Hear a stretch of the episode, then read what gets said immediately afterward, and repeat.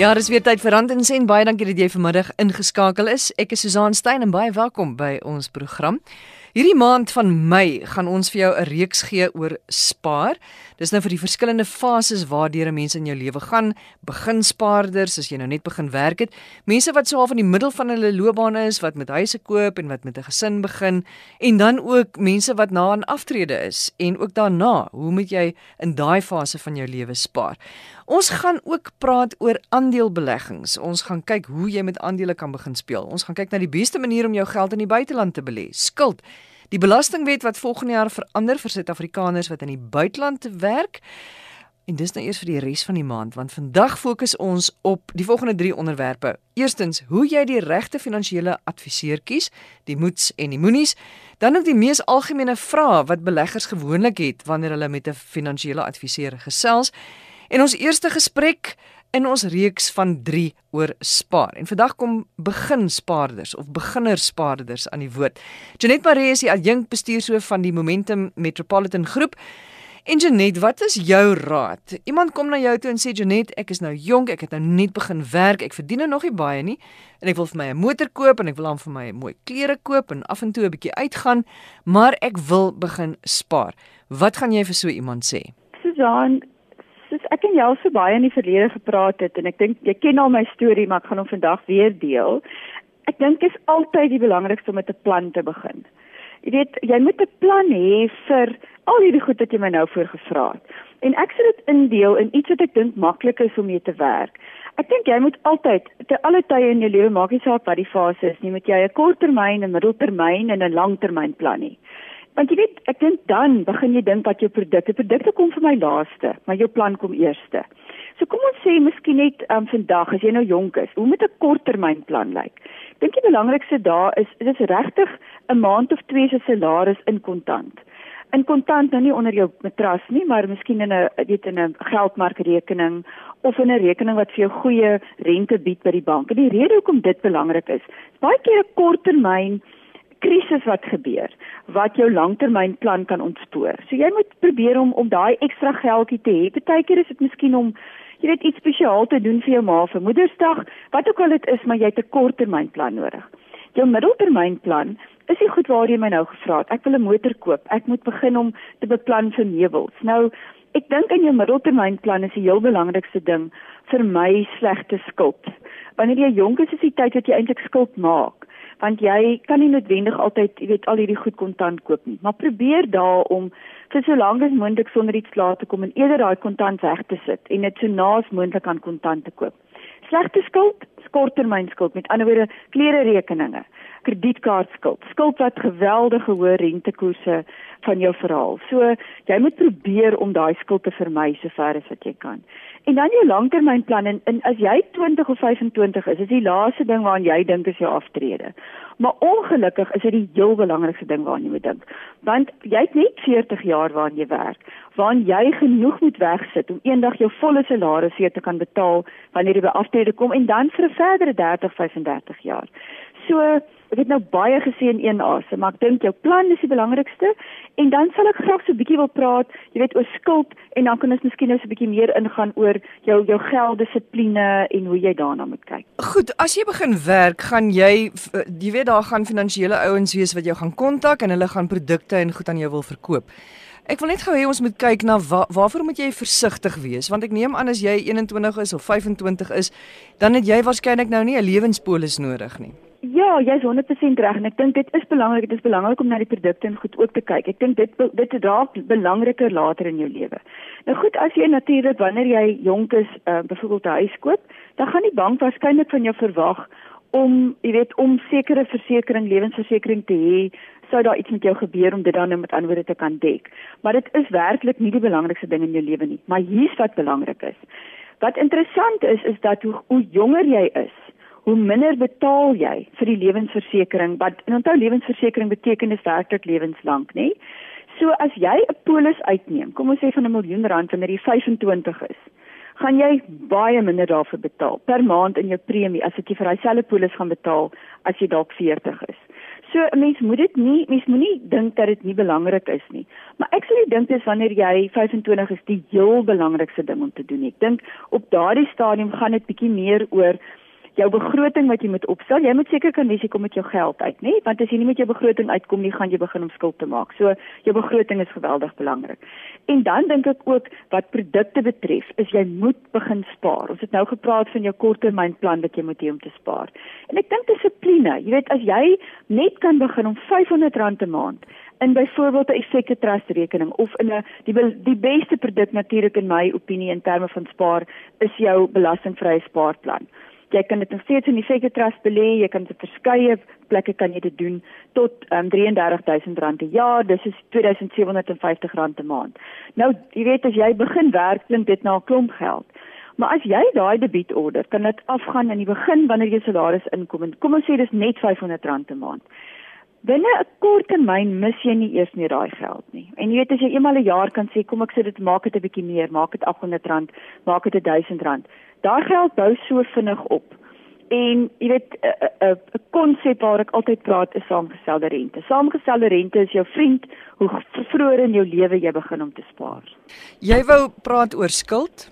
Ja, skuld gaan vir my amper hand aan hand met finansiële dissipline. En dit is net daai keuse wat 'n mens maak elke keer om te dink, as ek nou, kom ons sê hierdie motor op skuld koop, dan gaan ek omtrent 1 en 'n half keer vir hom betaal as ek hom afbetaal oor 'n oor 'n 5 jaar periode. Waar as ek miskien die geld kon weggesit het en ek kon groei daarop getrei het, kan ek waarskynlik oor 'n 5 jaar periode 'n groter beter motor koop en ek het geen skuld nie. Nou goed, motorskuld is nie die slegste skuld wat daar is nie. Ek dink veral wanneer mens jonk is met met daai dissipline wat mens moet hê, moet jy probeer om kredietkaartskuld en klere skuld. Met ander woorde, wanneer jy meubels op skuld koop, korttermynskuld want jy betaal geweldige hoë rentekoerse op op daai tipe skuld en jy moet dit probeer vermy sover as wat jy kan. Jy weet dat jou mamma nog so vir 'n rukkie jou jou klere was. Moenie onmiddellik vir jou wasmasjien koop as jy hom op skuld moet koop nie. Weet ek dink dis die die ding waarna mens waarna mens mooi moet kyk.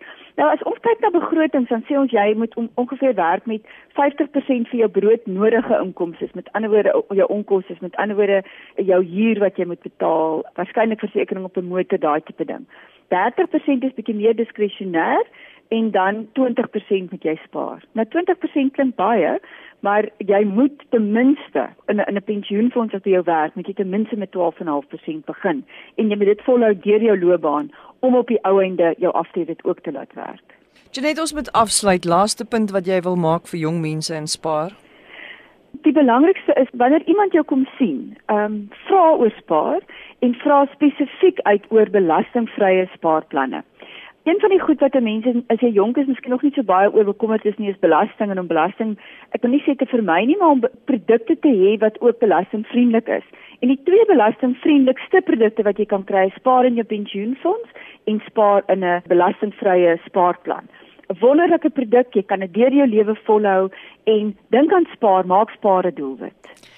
Baie dankie Janet Maree, sy is die adjunk bestuurshoof by die Momentum Metropolitan Groep. Onthou volgende week gesels ons verder met haar.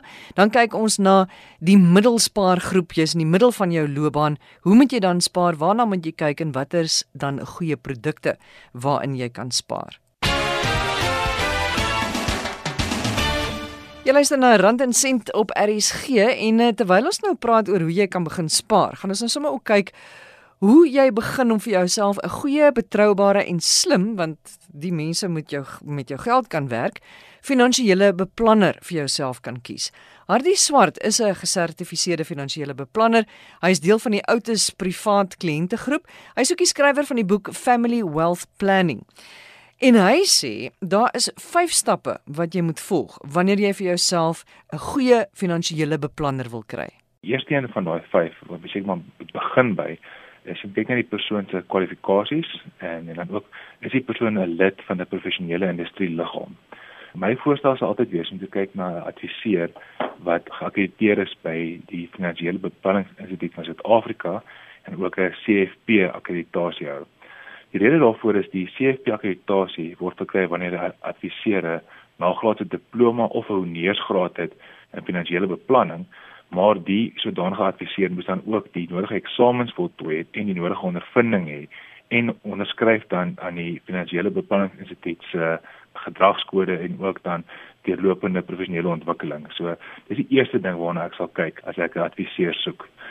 Die tweede ding waarna ek sal kyk is hoe word die persoon vergoed? Is die persoon afhanklik van kommissie of werk hy vir 'n fooi? Nou dis nie noodwendig te sê as die persoon kommissie gedrewe is dat dit sleg is nie, maar jy moet altyd vir jouself afvra as die persoon 'n kommissie verdien op die produk wat hy aan my verkoop, is hy besig om op te tree in my beste belang of in die beste belang van sy sak? En as die persoon 'n diens lewer en hy verdien 'n fooi, hoe verdien hy fooi? Verdien hy fooi vir deurlopende dienste? Is dit 'n fooi wat eenmalig verdien word, maandeliks verdien word? So ek dink dit is baie belangrik om te kan onderskei weet hoe word die persoon vergoed? En my voorstel sal altyd wees dat die vergoeding van die persoon wat jou gaan diens in lyn is met die diens wat jy benodig. Dan die volgende ding wat ek sal voorstel is om 'n behoorlike agtergrond check of background check, as die Engelse mense sal sê, te gaan doen. So wat ek sal voorstel is om vir die spesifieke adviseur te vra, was al ooit beskuldig of enige misdaad en is daar enige hangende sake by die ombud van finansiële dienste teen die finansiële adviseur. En dan sal ek ook voorstel dat jy by die spesifieke adviseur vra om vir jou 'n verwysing te gee van bestaande kliënte en die kliënte dan te kontak en te vra maar dit is die persoon wie hy sê hy is en watter tipe dienste lewer hy aan die spesifieke kliënt. Nee, die tweede laaste ding waarna ek sal kyk is dan ook watter tipe dienste verskaf die adviseur en wat is die persoon of die maatskappy so holistiese waardeproposisie. Dit help nie ek gaan sien iemand vir aftreebeplanning of 'n beleggingsbeplanning, maar die persoon spesialiseer slegs in mediese fondse of in korttermynversekering nie. Jy wil weet dat die persoon wie jy gaan sien of wie jy mee gaan gesels, spesialiseer in 'n spesifieke veld waar jy hulp benodig. Iets wat ek ook sou aanbeveel daar is om vir die adviseur te vra om vir jou te beskryf presies wat die diens is wat hulle kan lewer en dan ook vir jou 'n voorbeeld te gee van 'n ideale kliënt wat die persoon al in die verlede gedien het. Net om te kan beoordeel wat is die persoon se dienste wat hulle lewer in lyn met die dienste wat jy dan benodig. En dan die heel laaste ding wat ek sou voorstel is wanneer jy besluit om 'n adviseur of 'n maatskappy te kies, is om te gaan bepaal dis het die persoon 'n ondersteuningsbasis of is dit net 'n een eenman saak? Die rede daarvoor is is jy wil nie 'n situasie hê wat jy adviseer het wat dalk 'n jaar of 2 of 3 van aftrede af is en dan is die dag as die persoon aan aftree is daar niemand om jou verder te diens nie. En jy wil ook nie 'n situasie wees waar jy adviseer het wat duisend kliënte het en jy raak net nog 'n nommer op sy boeke nie. Jy wil weet dat die persoon wat vir jou diens gee dit jou hoog ag en dan ook vir jou kwaliteit gaan verskaf om op 'n einde van die dag by jou behoeftes te kan voldoen. As ek besluit ek soek 'n finansiële adviseur, begin ek in die geel bladsye, gaan ek aanlyn en ek Google finansiële adviseur Johannesburg of Kaapstad of Parel of bel ek bekende finansiële maatskappye en vra het julle iemand wat julle my na toe kan aanbeveel? My voorstel sou wees om te gaan na die finansiële beplanningsinstituut van Suid-Afrika se webtuiste. So die webtuiste is fbi.southafrica.co.za. Of jy kan net gaan sê FBI South Africa op Google en dit sal dan uitkom. Daar kan jy dan gaan klik op 'n link waar hulle sê find an advisor. Nou die find an advisor tab is regtig volledig want jy kan presies gaan sê maar ek soek 'n spesifieke adviseur in 'n spesifieke area wat sekere dienste kan lewer. Hulle sal dan vir jou 'n lys gee van geakkrediteerde CFP professionele mense in daai omgewing wat dan daai dienste aan jou kan verskaf. So ek sal sê dit is die beginpunt om adviseer te kry. Tweedens natuurlik is om te gaan maatskappye soos Ellen Gray byvoorbeeld het ook op hulle webtuiste 'n find an advisor link. So jy kan daar ook gaan kyk. Ja, mens daar kan doen is as jy 'n adviseur soek in 'n spesifieke area, dan kan jy dalk gaan vergelyk. Dit is die persoon op die Ellen Gray webtuiste of Investec se webtuiste en ook op die FBI se webtuiste. Ek neem aan jy moet dan ook voor die tyd jou huiswerk doen. Jy moet dan ook weet het ek 'n sekere bedrag geld wat ek belê of is ek op soek na mediese versekerings of soek ek 'n lewenspolis of soek ek net 'n ongeskiktheidspolis? Dit is belangrik Susan, maar ek dink egter as jy 'n goeie adviseur raadpleeg, 'n gedeelte van die hele finansiële adviesproses is om te bepaal wat is die spesifieke kliënt se behoeftes en doelwitte, waar is die persoon op pad? Want ek dink dikwels besef ons nie, weet ons weet nie wat ons nie weet nie.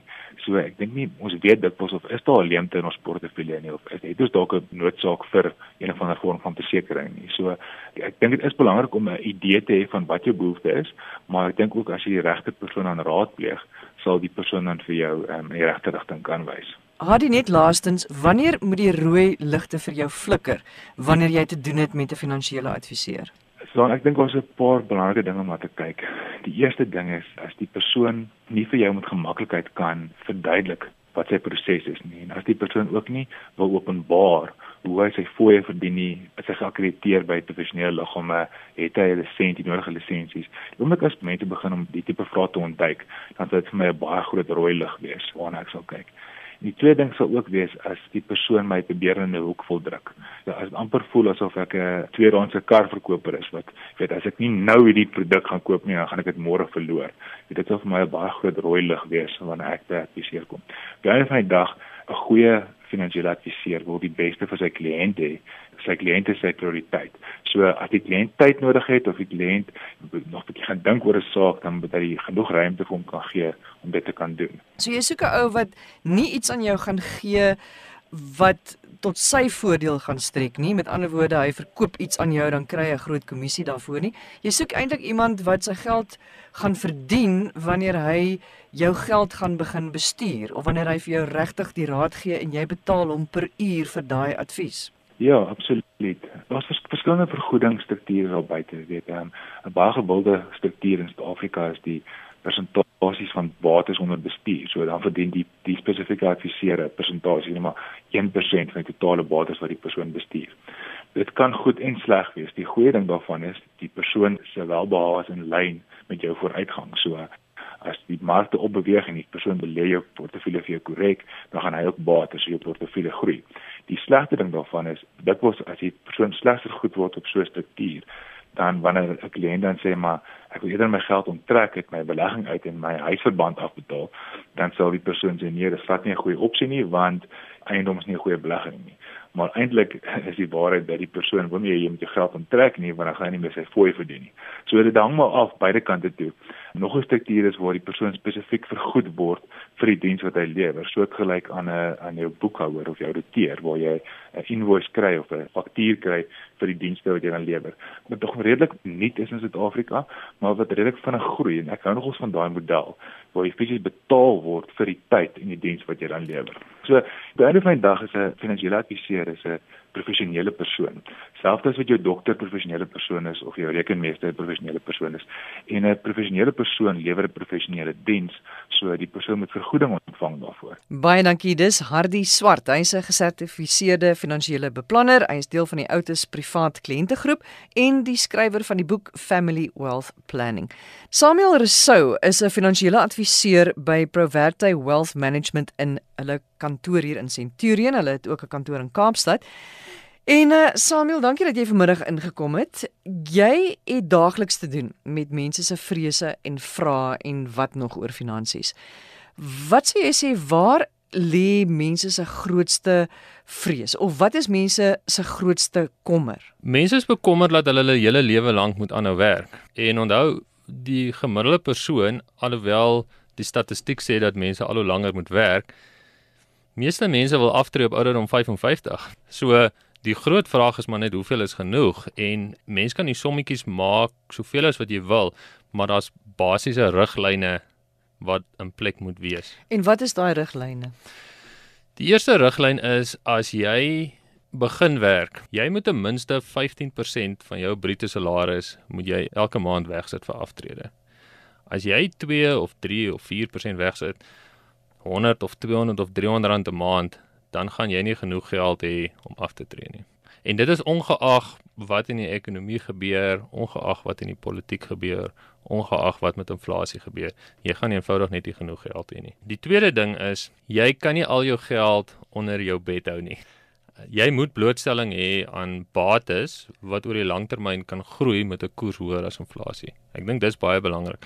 Van die afgelope tyd wat mense baie senuweeagtig was oor die ekonomie, Hulle het heeltyd gevoel hulle wil geld uithaal uit hulle beleggings uit, hulle wil aan die tydsbydrae stop, hulle wil eerder hulle huis afbetaal. Die ding is markte beweeg in siklusse.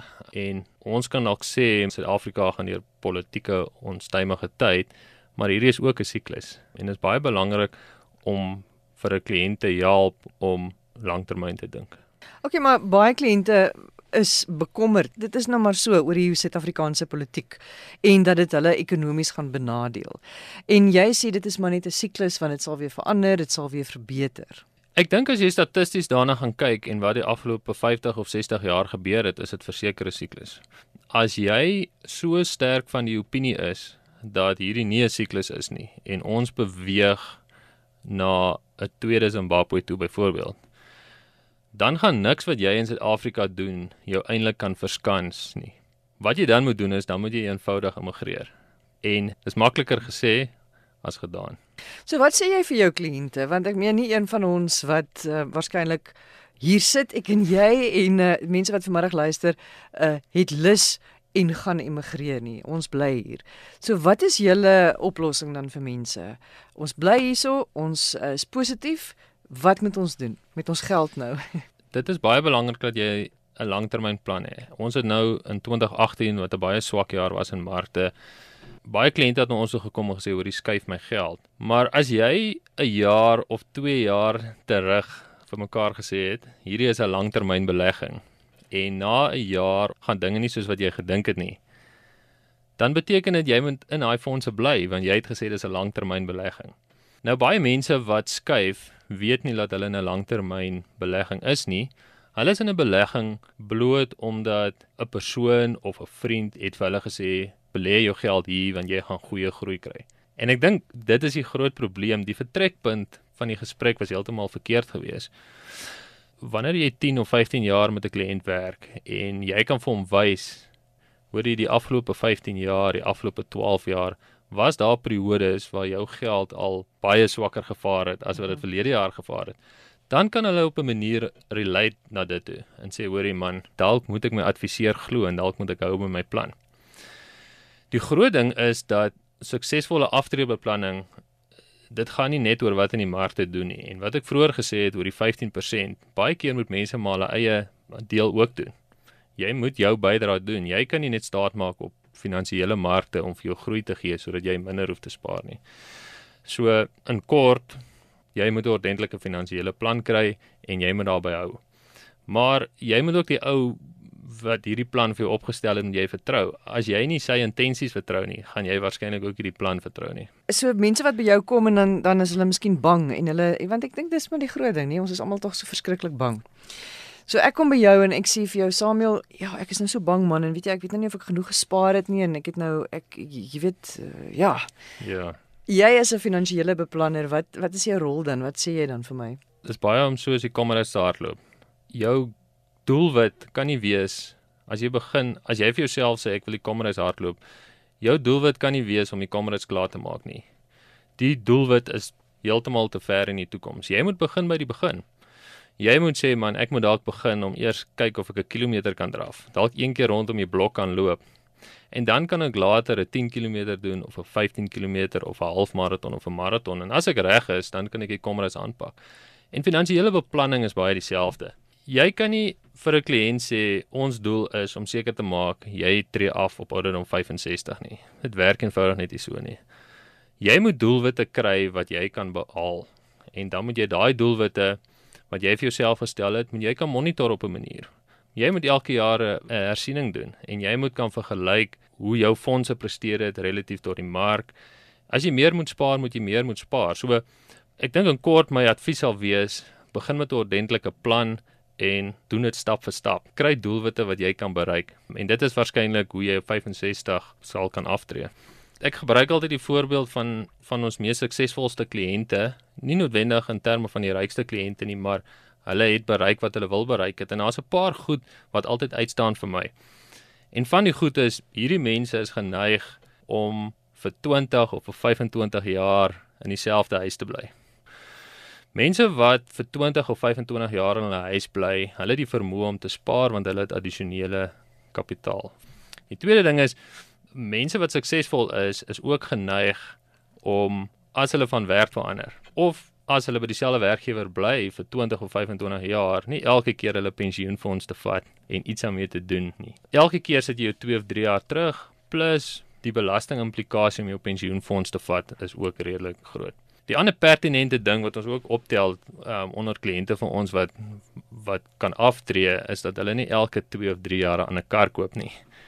Nou, die hele wêreld beweeg na 'n situasie toe van instant gratification. Ons wil môre iets hê. Ons wil nie 3 of 4 jaar daarvoor spaar nie. Maar dit het 'n koste. Jy betaal rente elke keer as jy 'n nuwe kar koop. En laastens voordat ek afsluit, ek dink wat ook baie belangrik is is dat jy nie noodwendig jou leefstyl moet aanpas soos wat jou salaris toeneem nie. Ons kom baie keer in daai mode wat as ek 'n 10 of 'n 15% verhoging kry, die eerste ding wat ek doen is ek verhoog my leefstyl. Ek koop 'n nuwe kar, ek gaan op 'n duurder vakansie. Maar as jou leefstyl op 'n vlak is waar jy eintlik gemaklik kan leef en jy verdien ekstra geld, behoort jy dit eintlik weg te kan sit in 'n belegging in. As jy 'n woonstel koop en jy kan oor 10 of 15 jaar begin leef uit daai huur uit, is jy in 'n baie beter posisie. En baie keer vir kry kliënte verhogings 2 of 3 jaar kan jy eintlik niks sien wat hulle daarmee gedoen het nie en dit het 'n groot impak op die lang termyn. So wat jy sê is as jy 'n verhoging kry, moet jy eintlik gaan en daai geld op 'n manier gaan belê wat vir jou oor 10 jaar tot jou voordeel gaan wees. Jy ja. moet nou skielik gaan en daai geld gaan uitgee en duurder restaurante en duurder klere en duurder vakansies nie. Nee, glad nie, want onthou, wat sou gebeur het as jy nie daai verhoging gekry het nie? Jy sou nog steeds aangehou het. Ehm um, en ek is baie syferkundig oor ek sal fisies aan die einde van die jaar sal ek kyk wat al my uitgawes mee opgegaan het die afgelope 12 maande en ek sal uitwerk wat my persoonlike inflasiekoers is. En dan sal ek eenvoudig dit in ag neem met my verhoging en alles waar my verhoging meer is moet eenvoudig gespaar word. En dit werk eintlik baie goed. In teorie natuurlik Ja nee want dit is nie altyd maklik om dit te doen nie maar 'n mens kan maar altyd net probeer om daarna te streef. Dit is Samuel Rousseau. Samuel, dankie dat jy vanmiddag ingekom het. Hy is 'n finansiële adviseur by Provate Wealth Management by hulle kantoor hier in Centurion. Dit is ons program. Onthou, ons gesprekke is beskikbaar by www.rsg.co.za. Jy kan dit gaan aflaai as 'n potgooi enige tyd van die dag of nag beskikbaar vir jou. Onthou ook die herhaling van Rand en Sent op 'n Woensdagoggend 04:30 baie sukses vir jou vir die week wat voorlê en onthou om volgende Sondagmiddag 5uur in te skakel dan praat ons verder oor geld sake. Totsiens.